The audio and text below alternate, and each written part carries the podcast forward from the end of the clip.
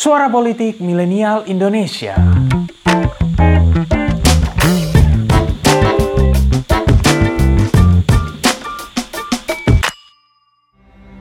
Mari kita bersama-sama melakukan perlawanan atas ketertindasan agar semua rakyat Nusantara tidak lagi dipandang sebagai seperempat manusia. Ini adalah potongan dari film Guru Bangsa Cokro Aminoto karya sutradara Gari Nugroho yang berkisah tentang salah satu tokoh besar bangsa ini, Haji Umar Said Cokro Aminoto. Cokro Aminoto adalah salah satu simbol besar sejarah negara ini bersama dengan Sarekat Islam, organisasi yang menjadi bagian penting dari pergerakan dan perjuangan kemerdekaan Indonesia. Nyatanya, Sarekat Islam adalah salah satu organisasi paling awal yang menjadi gerakan yang lebih besar untuk memperjuangkan kemerdekaan Indonesia.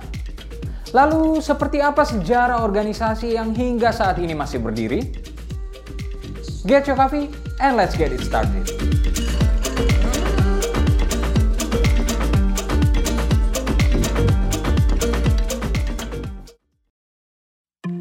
Sarekat Islam, awalnya bernama Sarekat Dagang Islam atau SDI, didirikan pada tanggal 16 Oktober 1905 oleh Haji Samanhudi, seorang pedagang batik asal Surakarta.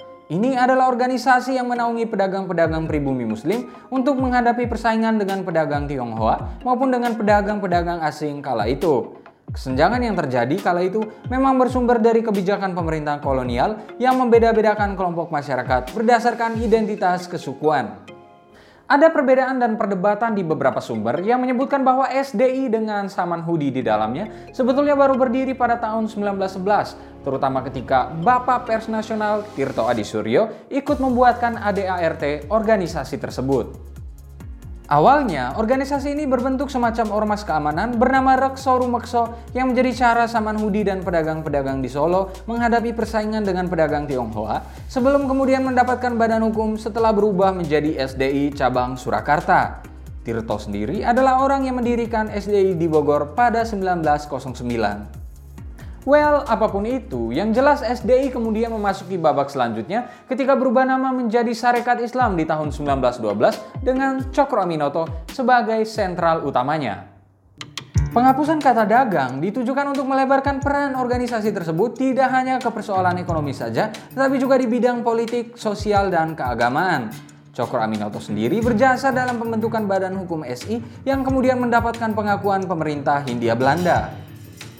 Tokoh yang kita bicarakan ini adalah sosok yang dijuluki sebagai The Only Crown de Van Java alias Raja Tanpa Mahkota di Tanah Jawa berkaca dari besarnya pengaruhnya saat itu. Ingat ia adalah tokoh pertama yang dengan berani dan terbuka mencetuskan ide kemerdekaan Indonesia. Ia adalah guru untuk beberapa tokoh besar, di antaranya tokoh kiri seperti Semaun, Alimin, dan Muso, sosok nasionalis seperti Soekarno, dan tokoh yang islami seperti Kartosuwiryo. Beberapa sumber juga menyebutkan bahwa Tan Malaka pernah berguru pada Cokro Aminoto. SI punya banyak cabang dan setelah Cokro Aminoto terpilih sebagai Ketua Sentral Syarikat Islam atau CSI dalam Kongres di Yogyakarta pada 1914, pusat organisasi ini pindah ke Surabaya. Di tahun pertama kepemimpinannya, anggota resmi SI tercatat mencapai 400 ribu orang.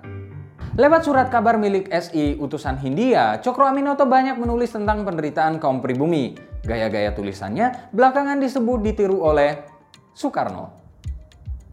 Koran tersebut juga menjadi tonggak sejarah penting. Takashi Shiraishi dalam bukunya An Age in Motion, Popular Radicalism in Java, menyebutkan koran tersebut awalnya diterbitkan sebagai bentuk perlawanan pedagang Arab dan pribumi muslim yang menolak beriklan di koran-koran Tionghoa.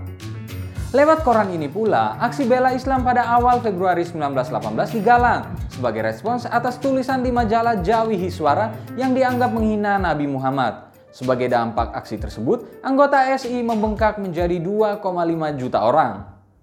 Makin banyaknya anggota SI ini pada akhirnya melahirkan gesekan yang berujung pada perpecahan. Banyak sumber yang menyebutkan bahwa paham sosialisme dan komunisme mulai masuk ke organisasi tersebut.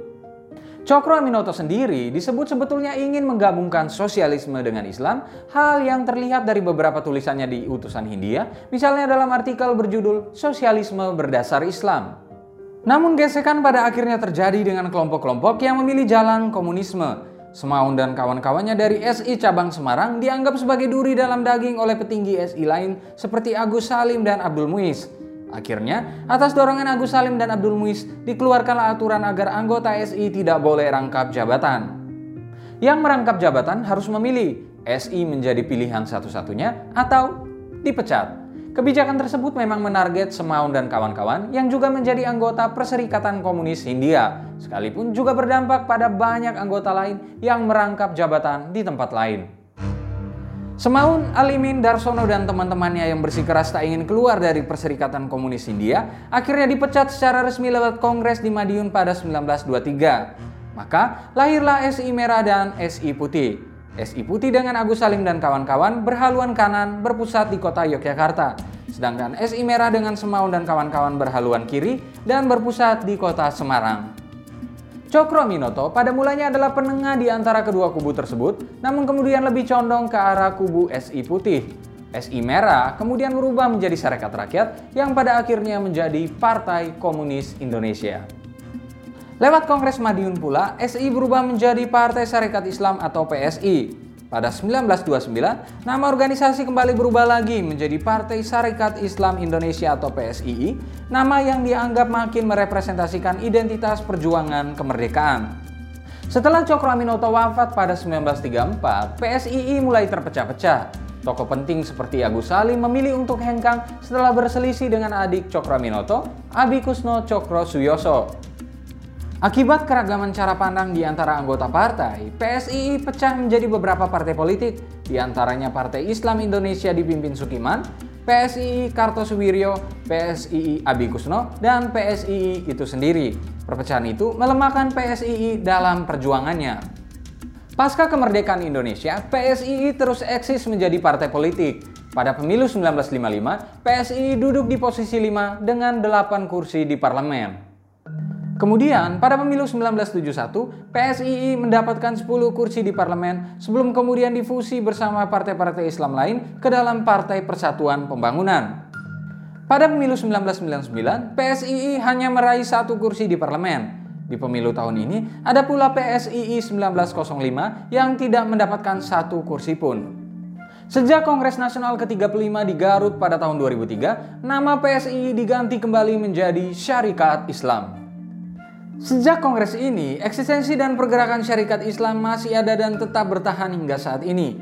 Organisasi ini kini dipimpin oleh mantan Ketua Mahkamah Konstitusi Hamdan Zulfa. Melalui keputusan tertinggi organisasi tersebut, syarikat Islam kembali ke kitanya sebagai gerakan dakwah ekonomi.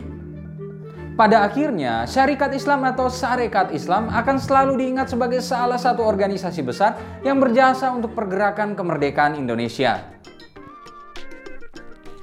Terima kasih telah mendengarkan episode kali ini. Nantikan episode-episode selanjutnya dan jangan lupa untuk kunjungi pinterpolitik.com untuk dapatkan informasi seputar fenomena politik di Indonesia.